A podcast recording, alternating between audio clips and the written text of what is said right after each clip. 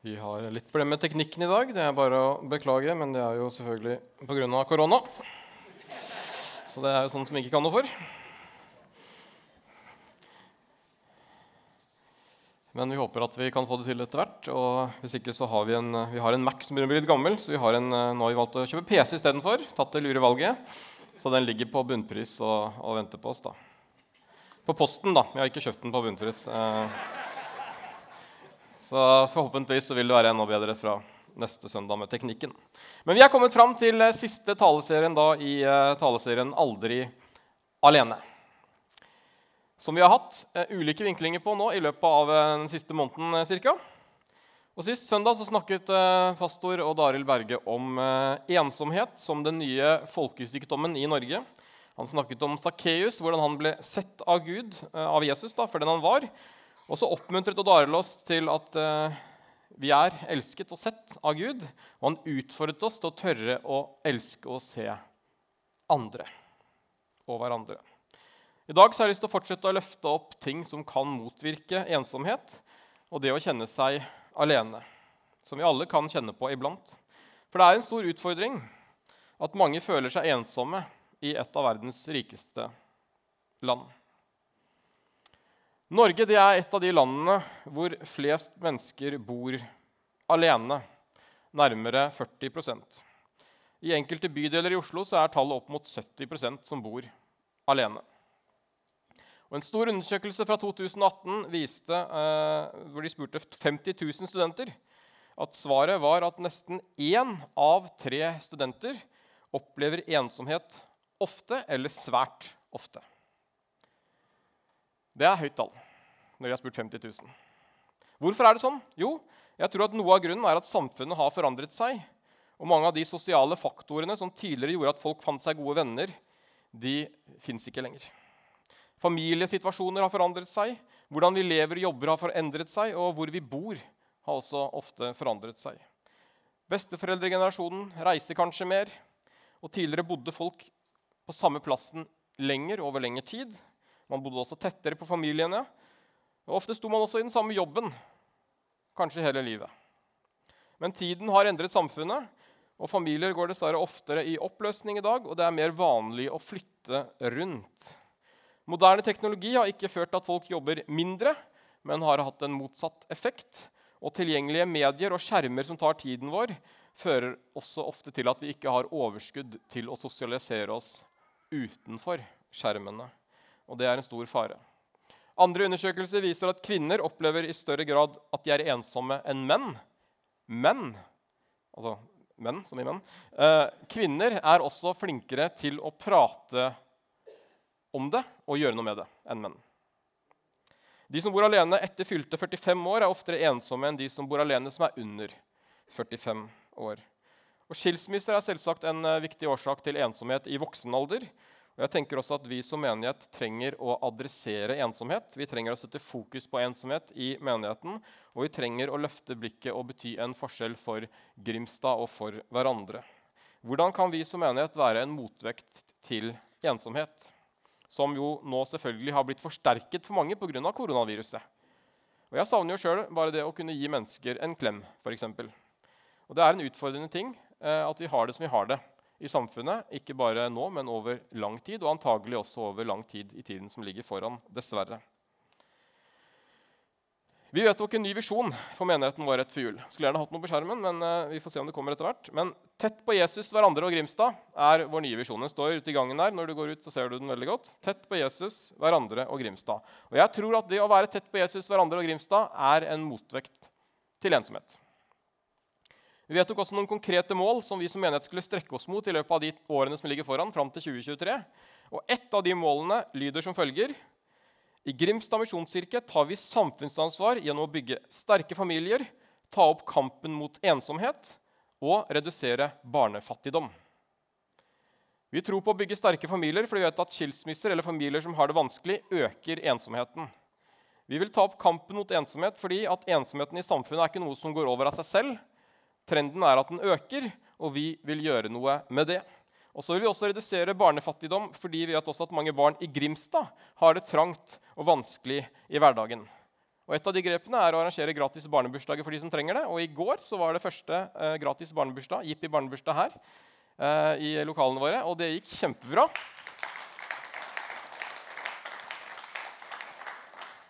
Og de melder om eh, veldig god tilbakemelding, de som var med og var frivillige medarbeidere der. Da var det ikke bare at man eh, ga de lokaler, men det var også fullt opplegg. Jippiklovnen var der, og det var eh, kos. Og Vi har tro på sånne grep som det. Så vi har begynt å ta grep på noen av de områdene. Og du kan få lov til å være med på laget gjennom å annet, eh, ta den oppmuntringen som Odd Arild sa sist, med å se andre rundt deg og bety en forandring for menneskene som du møter på din hverdag. Yes, Dagens tekst er hentet fra Romerbrevet 12. og Vi skal egentlig lese hele Romerbrevet 12. Skulle egentlig hatt det på skjermen, men uh, dere, dere, har noen med Bibel, så kan dere slå opp i Romerbrevet 12. Og hvis ikke, så får dere lytte godt. Uh, så skal jeg lese, prøve å lese tydelig. Men det står i Romerbrevet 12. Litt, og det, Overskriften er 'Det kristne livet'. Litt av det vi er oppmuntret og kalt til å leve ut. Der står det Derfor formaner jeg dere ved Guds barmhjertighet, søsken, bær kroppen fram som et levende og hellig offer til glede for Gud og det skal være deres åndelige gudstjeneste. Innrett dere ikke etter den nåværende verden, men la dere forvandle ved at sinnet fornyes, så dere kan dømme om hva som er Guds vilje, det gode, det som er til glede for Gud, det fullkomne. Ved den nåde jeg har fått, sier jeg til hver enkelt av dere, tenk ikke for store tanker om deg selv, men tenk sindig. Hver og en skal holde seg til det mål og tro som Gud har gitt ham. Vi har én kropp, men mange lemmer alle med ulike oppgaver. På samme måte er vi alle én kropp i Kristus, men hver for oss er vi hverandres lemmer. Vi har forskjellige nådegaver, alt etter den nåde Gud har gitt oss. Den som har profetisk gave, skal bruke den i samsvar med troen. Den som har en tjeneste, skal ta seg av sin tjeneste. Den som er lærer, skal undervise. Og den som trøster, skal virkelig trøste. Den som gir av sitt eget, skal gjøre det uten baktanker. Og den som er satt til å lede, skal gjøre det med iver. Den som viser barmhjertighet, skal gjøre det med glede. La kjærligheten være oppriktig. Avsky det onde. Hold dere til det gode. Elsk hverandre inderlig som søsken, og sett de andre høyere enn dere selv. Vær ikke lunkne, men ivrige. Vær brennende i ånden. Tjen Herren. Vær glade i håpet, tålmodige i motgangen, utholdende i bønnen. Vær med og hjelp de hellige som lider nød, og legg vind på gjestfrihet. Velsign den som forfølger dere, velsign og forbann ikke. Gled dere med de glade, og gråt med dem som gråter. Hold sammen i enighet. Gjør dere ikke for høye tanker, men hold dere gjerne til det lave, og vær ikke selvkloke.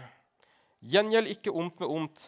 Ha tanke for det som er godt for alle mennesker. Hold fred med alle, om det er mulig, så langt det står til dere.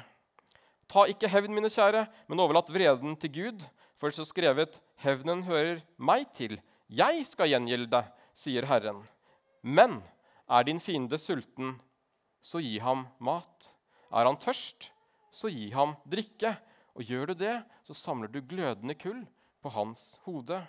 La ikke det onde overvinne deg, men overvinn det onde med det gode. Amen. Så enkelt og allikevel så vanskelig. Tjen hverandre, elsk hverandre, overvinn det onde med det gode. Det er oppskriften. Og så tror jeg ingen klarer å leve det livet ut alene. Derfor trenger vi fellesskapet. Derfor trenger vi menigheten. Og Derfor står det også en del i Bibelen om viktigheten av det kristne fellesskapet. F.eks. i Hebrebrevet kapittel 10, hvor det står fra vers 24 og 25 at la oss ha omtanke for hverandre, så vi oppgløder hverandre til kjærlighet og gode gjerninger. Og la oss ikke holde oss borte når menigheten vår samles, som noen har for vane. La oss heller oppmuntre hverandre, og det så mye mer som dere ser at dagen nærmer seg. Jeg tror oppmuntringen å ikke holde oss borte er der fordi at vi trenger fellesskapet ofte mer enn vi tror. Iblant så hører vi dessverre om mennesker som slutter fordi de opplever at de ble ikke sett, eller de kom ikke inn i miljøet i menigheten. Og det er trist, og det er noe vi skal ta på alvor. Og vi skal stadig strekke oss etter å se de rundt oss. Og hvis alle ser noen, så kan alle bli sett. Og så har vi samtidig også et ansvar selv. Og Vi ser jo ofte også at de som kanskje faller ut, er de som kanskje går på gudstjeneste en gang iblant, men ikke har en tjeneste og heller ikke er med i en cellegruppe. Og jeg tror at De to tingene, ha en tjeneste, være med i en cellegruppe, er ekstra viktig nå, spesielt i koronatid, hvor vi ikke heller har kirkekaffen som et sosialt treffpunkt. Når folk skal bli medlemmer her i menigheten, så går vi gjennom noen faste ting. Og vi oppmuntrer også alle våre medlemmer til fire ting. Skulle egentlig stått her nå, men jeg sier det, så får dere prøve å høre. Det første punktet er vi anbefaler alle å gå regelmessig på gudstjeneste. Vi forventer ikke at alle skal være her hver søndag, men kom oftere enn du er borte. Da bygger du en god vane, og jeg tror vi trenger å bygge gode vaner. Fordi at korona har rokket ved vanene våre, og da må vi kanskje bygge dem på nytt.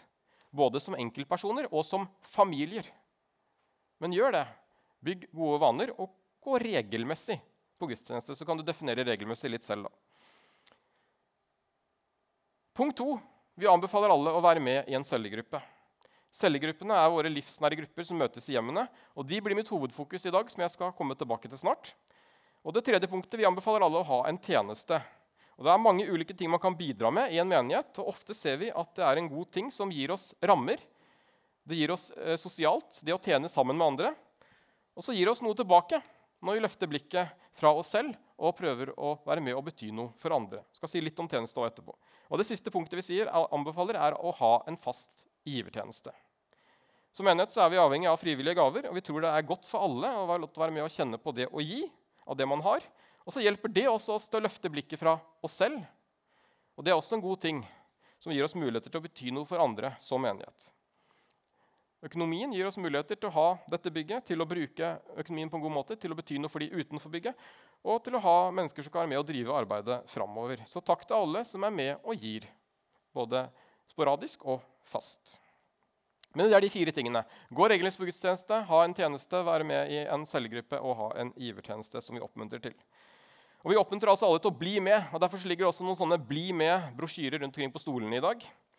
Uh, og I den så kan du krysse av om du ønsker tilbud om cellegruppe, tilbud om å bli med i en tjeneste, eller om du har lyst til å være med, som fast giver. så kan du fylle ut skjema der. Uh, og Du kan også krysse av om du ønsker mer info om menigheten hvis du er ny. Og Hvis vi får inn et skjema hvor noen ønsker mer info om menigheten, så eh, arrangerer vi da snart eh, noe som heter en introkveld, som vi har iblant, hvor vi inviterer til å komme og høre mer om menigheten, medlemskap og hva vi står for, en, uten at det er noe forpliktende bak. Så Fyll gjerne ut det heftet hvis du kjenner at du har behov for noe eller har lyst til noe. Og kan du også levere det da i infostanden etter møtet eller oppe i eh, postkassen til Marion, vår administrasjonsleder i andre etasje i administrasjonen. Eh, det går sånn skrive seg på noen lister der ute etterpå som jeg skal komme tilbake til. Men i dag skal vi se nærmere på tjenester og cellegrupper. For det første tjeneste. Vi leste i stad fra Romerbrevet kapittel 12 at vi har én kropp, men mange lemmer, alle med ulike oppgaver. Og vi har forskjellige nådegaver, alt etter en nåde som Gud har gitt oss. Grimstad misjonskirke drives fremover av frivillige medarbeidere. Vi har over 300 frivillige medarbeidere ved siste telling, og det er fantastisk. Uansett interesse, om du er musikalsk, eller om du liker å lage mat, om du brenner for arbeid for barn og unge eller arbeid for eldre, eller om du liker praktiske ting, eller om du liker å prate, eller om du liker å tenke strategi og visjon, eller om du liker å vaske ting, av alle ting, så er det uansett et vell av tjenester du kan bli med på. Liker du tekniske ting som lyd, lys, bilde og video, så trenger vi folk på det også. Uh, og vi holder også nå på å opprette en helt ny videotjeneste som uh, skal være med å lage streaming, videostreaming fra gudstjenestene våre. Så kanskje er det noe for deg. Meld gjerne interesse. Og Vi har også en brosjyre ute i familien som heter Medarbeidere, hvor du kan lese litt om de ulike tjenestene vi tilbyr i menigheten. Og det er også en del ting som ikke står der, så det er bare å ta kontakt hvis det er noen spesielle talenter og gaver du kjenner på at du har. Og Hvis vi slår opp ordet 'tjene' i ordboka, den norske bokmålsordboka, så står det at ordet 'tjene' bl.a. betyr å stille seg selv til disposisjon. Og så står det to eksempler på hvordan man kan stille seg til disposisjon. Det står én tjene fedrelandet. Og to jeg og min ett vil tjene Herren. Hentet fra Josva 24, 15.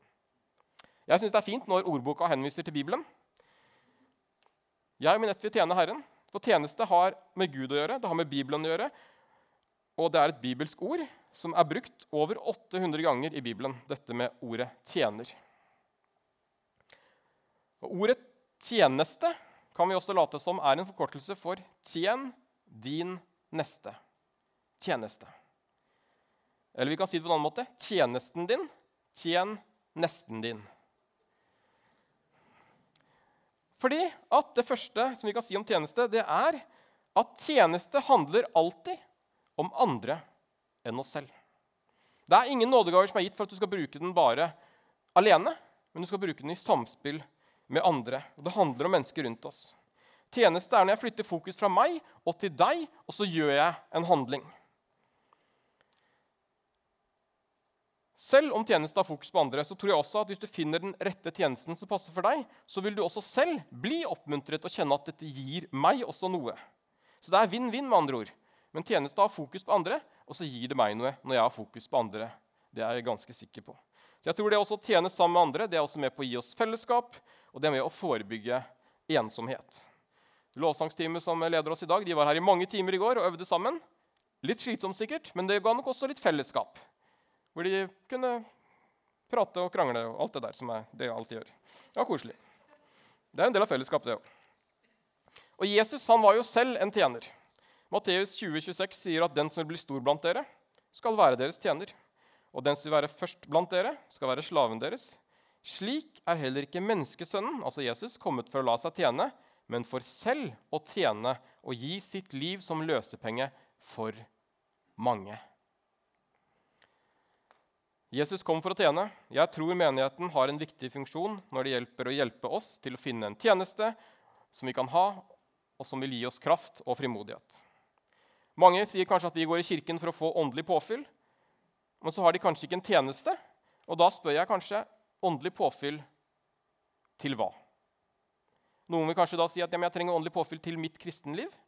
Og da vil jeg si at problemet er at det er ikke noe som heter mitt kristenliv. Et kristenliv er nemlig større enn som så. For kristenlivet det må du leve i fellesskap med andre. Vi er skapt til fellesskap, vi er skapt til å tjene. Og da trenger vi påfyll. Og Da er det godt å ha en menighet hvor vi kan få lov til å få påfyll og styrke hverandre og hjelpe hverandre. Så hvis du ikke har en tjeneste, tenk gjerne litt over det i dag, om det er en tjeneste du kan gå inn i. Yes, Det var tjeneste. Og så kan det bli mange folk i menigheten iblant. Oi, vi er på. Så bra. Skal vi gi en applaus til teknikken? Yeah, tjeneste, tjeneste, tjeneste. Det er kjempebra. Er vi på rett sted òg? Skal vi se om den her også virker. Da. Det er kjempebra. Det er gøy. Iblant kan det bli mange folk i menigheten. I dag var det eh, nesten fullt eh, på lista i forhold til korona. Og da kan det være vanskelig å komme tett på andre, i hvert fall i dag når vi ikke har kirkekaffe eller noen andre sånne sosiale eh, ting. Og det er der cellegrupper kommer inn i bildet, som er det siste vi skal snakke litt om i dag. Vi har et vell av cellegrupper i menigheten, og jeg har så tro på cellegrupper. Du kan kalle det hva du vil. Smågruppe, livsnær gruppe, sølvgruppe. Kjært navn av mange barn, som jeg pleier å si. Men vi sier her i GMK at en cellegruppe er en livsnær gruppe som møtes i hjemmene. Og De samler kanskje en fem til ti, fem til tolv mennesker. Møtes ofte annenhver uke. Noen møtes hver tredje uke av de mest travle.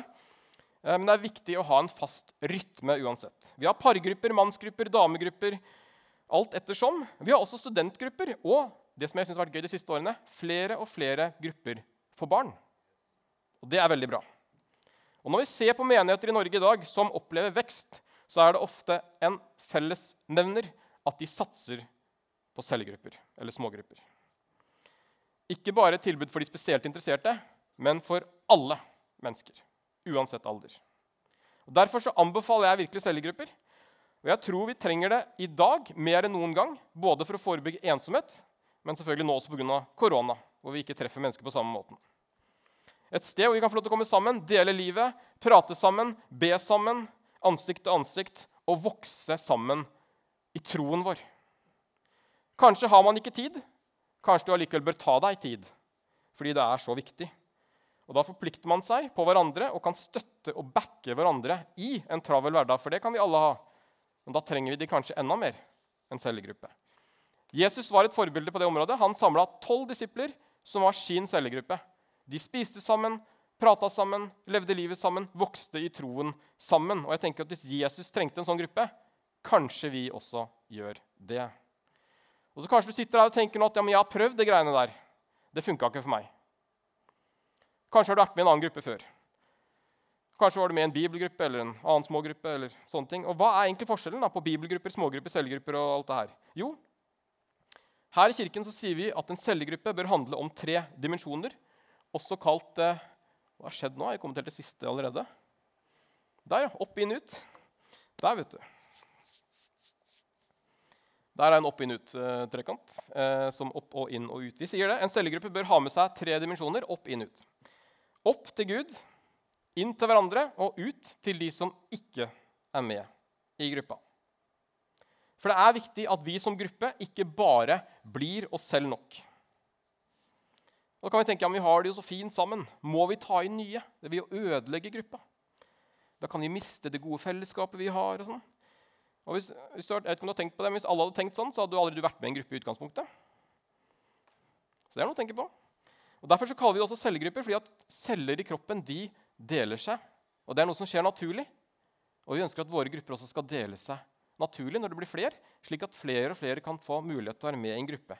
Jo flere grupper vi har, jo større er sjansen for at noen kan finne en gruppe hvor de trives i. Vi ønsker vekst i cellegruppearbeidet, og da trenger vi at nye grupper dannes, og flere får bli med. Og Når disse tre dimensjonene opp, inn og ut flyter sammen, så blir det livsnære tydelig og sterkt, og vi trenger alle dimensjonene i gruppene. Blir det overvekt på opp-fokuset, så blir det fort en bibelgruppe, hvor vi kanskje vokser med Gud, og det blir det viktigste. Blir det inn, hovedfokuset, så blir det kanskje en sosial gruppe hvor vi har det kjekt sammen, men mangler kanskje det andre. Og Blir det for mye fokus på ut, så blir det fort en evangeliseringsgruppe som bare handler om å få inn nye, og så glemmer vi kanskje hverandre litt, og kanskje Gud også, i det verste fall oppi det. Så vi trenger en blanding av alle tre for at det skal være en cellegruppe, slik vi kaller det. Jeg tror at å investere i en slik gruppe hver 14. dag kan være livsforvandlende. Jeg tror at vi alle trenger et fast holdepunkt i hverdagen hvor vi kommer sammen med andre mennesker. Noen ganger så er vi slitne, og så trenger vi kanskje litt mer alenetid. Eh, og det er greit, Men ofte så trenger vi også samspillet med andre mennesker. og Det gjelder både introverte og ekstroverte. Og på ett område så er forskningen tydig, entydig. Det å oppnå meningsfull kontakt med andre er den aller største kilden til lykke. Så fins det selvsagt unntak fra regelen, men forskning viser at de stort sett kommer i bedre humør av å snakke sammen, også med fremmede. Og så er det sånn, som er en god ting, at fremmede er ikke fremmede for alltid. Kanskje hvis du ser deg rundt i salen nå, så ser du mennesker du ikke kjenner. Det er potensielle mennesker som du kan bli venner med. Kanskje ikke bare ved å gå på gudstjeneste, men ved å bli med i en tjeneste eller i en cellegruppe. så kan du bli kjent med dem. Og jeg kan si at det er mange her i salen som det er verdt å bli kjent med. Noen tenker at cellegruppe høres fint ut, men jeg har ikke tid fordi at kalenderen er full. Jeg tenker at Jo travlere liv og jo fullere kalender, jo mer er behovet for en cellegruppe. En cellegruppe er nemlig et fast punkt i kalenderen hvor vi får lov til å løfte fokuset fra den travle hverdagen og bremse travelheten gjennom å få lov til å vokse som kristne og som mennesker i samspill med andre. Man kommer sammen med mennesker som bryr seg om deg, og man kan få lov til å dele liv og be sammen, som jeg tror er viktig i en travel hverdag. Noen ganger er man sliten og ikke har så lyst til å gå på selvhjelp. Jeg opplever det iblant. Og noen ganger så er man gira og gleder seg. Men gruppa skal få lov til å være et sted hvor du kan komme akkurat som du er. Enten bare sitte og slappe av, eller få lov til å være aktiv. At det er rom for deg. Og det fins ulike grupper. og Jeg vet at Noen har erfart at gruppa tapper for energi. Da er det lov å bytte gruppe. Alle matcher ikke overalt. Sånn er det bare. Og det er bedre å slutte å bli med i en annen gruppe enn at man ikke trives eller slutter å ikke bli med i en gruppe. Og Det er lov å ta en pause fordi at vi er ulike faser i livet, men jeg tror vi trenger det. Jeg har hatt gleden av å være med i en cellegruppe eh, i snart fire år. Eh, og skal, Jeg skal avslutte talen med å få opp noen fra gruppa. eh, så dere kan komme opp. Herman Drevdal, eh, barnevelsignelse i dag. vet du. Det er koselig. Henning Heggeland og Bjørnar Westøl de er med i min mannsgruppe. som Jeg har. Og jeg har et bilde her fra cellegruppeavslutning før sommeren. Da var vi på Rossekniben og grilla pølser. Det er et høyt fjell langt borti i, her. Langt å komme opp. Mm. Satt vi på toppen og kunne se langt utover. Så det var ikke alle som kunne komme i dag. Det var en av de som sa at de må, han måtte jobbe på en søndag. Så sa jeg jobbe på en søndag, og så kom jeg på å, jeg gjør det samme sjøl. Ja. ja, ja, samme det. Eh, Men noen ganger så tenker vi at cellegruppalista den ligger så høyt. Vi er jo et eksempel på det motsatte. Vi har, eh, vi har holdt sammen i snart eh, fire år. Kan ikke du hente mikrofonen der, eh, Trond Vegard? Du som har tatt på den før i dag. Eh, vi startet med fem menn. Nå er vi åtte menn. Jeg mangla kanskje én på bildet. Og jeg er skyggen som tar bildet der. Så jeg er med på bildet. Men to, fire, seks, syv, åtte er vi mange som ikke kunne der. Vi er altså Takk, takk. Vi er eh, fem-åtte menn, ja. Vi en, har en relativt tafatt leder. Det er meg sjøl. Men de fire årene vi har holdt på, så er det ingen som har slutta i gruppa. Det er jeg veldig glad for. Eh, Herman han har tatt litt pauser iblant bare for å reise ut som misjonær til Indonesia. og sånne ting. Men når han har vært hjemme, så er han med i gruppa. Det er jeg veldig glad for. Og Jeg skal bare intervjue de veldig kort, så dere kan få inntrykk av litt hvordan det er å være med i en cellegruppe. og sånn. Så Herman, vi begynner med deg. Du har altså vært litt ute som misjonær i Indonesia sammen med Kesia og familien. Eh, når du har vært ute, Hva har det betydd for deg å vite at du har hatt en gruppe hjemme? Eh, sånn, eh, og hvordan det har vært? Jeg holder den for deg. Korona, vet du. Ja. Er det lyd på den, forresten? Får vi lyd på? Hallo? Ja. Det har vært veldig fint å vite at det er en cellegruppe som er med og støtter oss og ber for oss for arbeidet i Indonesia. Um, og så Før jul i fjor, helt uventa, så hadde cellegruppa samla inn Eh, pengesum til oss og arbeidet.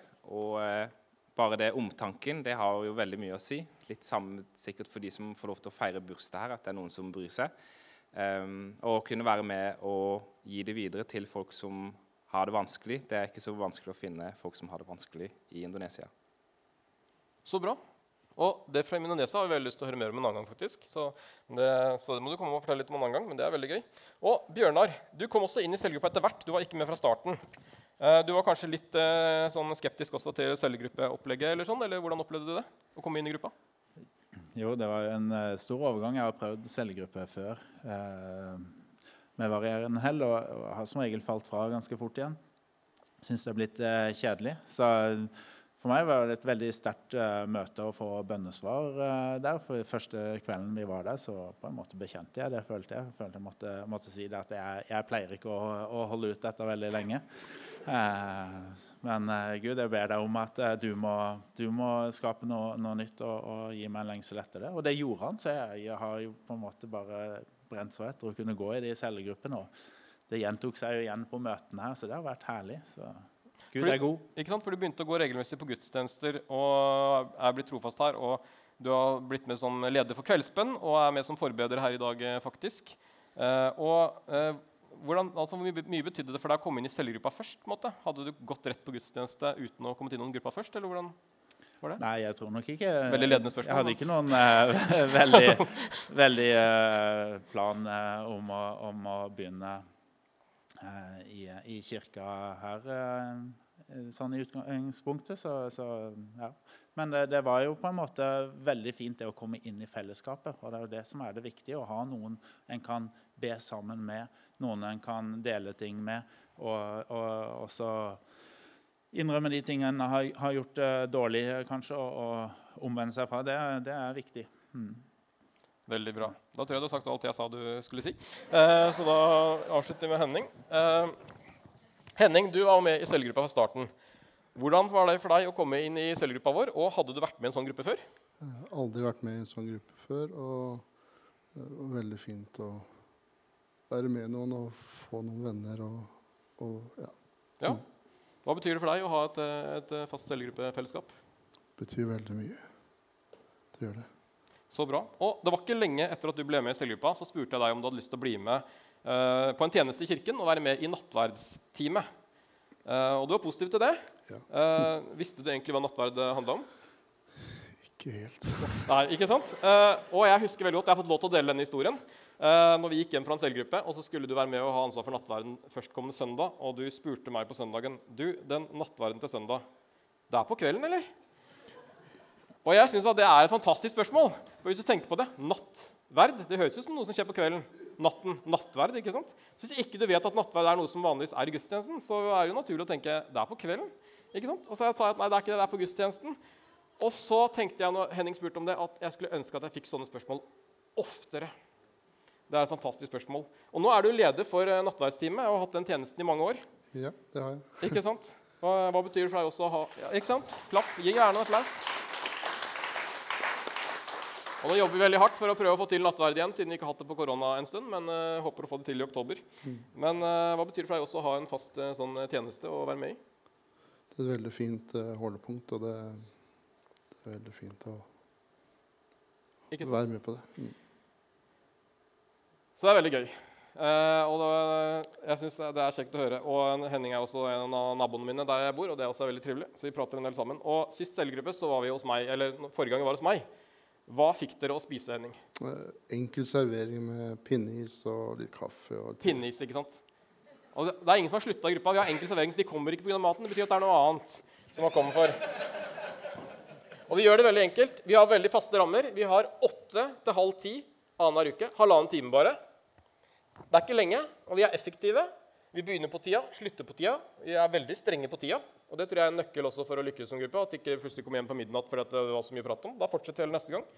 Og hver tredje cellegruppe vi er sammen, så gjør vi noe annerledes. Hva gjør vi da, Bjørnar?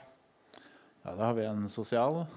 Så da har vi vært ute på escape room og litt forskjellige andre ting. Mm. Sosialgruppe. Det er så bra. Vi har hatt eh, veldig mye gøy eh, på de årene. Jeg måtte bare se litt kjapt over. Vi har jo da kjørt gokart. Vi har vært på escape room, ja. Så må vi skal løse gåter og komme ut av et rom på 60 minutter. og sånn. Vi har vært på turer, vi har hatt bilrebuss. Vært mange ganger ute og spist sammen på apotek i gården, og ikke minst kebab på Happy Time. ikke sant, Herman? Yes. Og vi har spilt bowling, curling, ja, til og med Nei, det skal jeg forresten ikke si høyt her. Eh, men Uansett for oss så har det vært en veldig viktig greie at hver tredje gang så har vi noe sosialt. Og da har vi også litt lengre selvgruppe. Da er det ikke bare halvannen time, men da bruker vi litt mer tid sammen. Eh, De andre gangene vi er sammen, så følger vi opplegget som menigheten har, eh, som legges ut på hjemmesiden.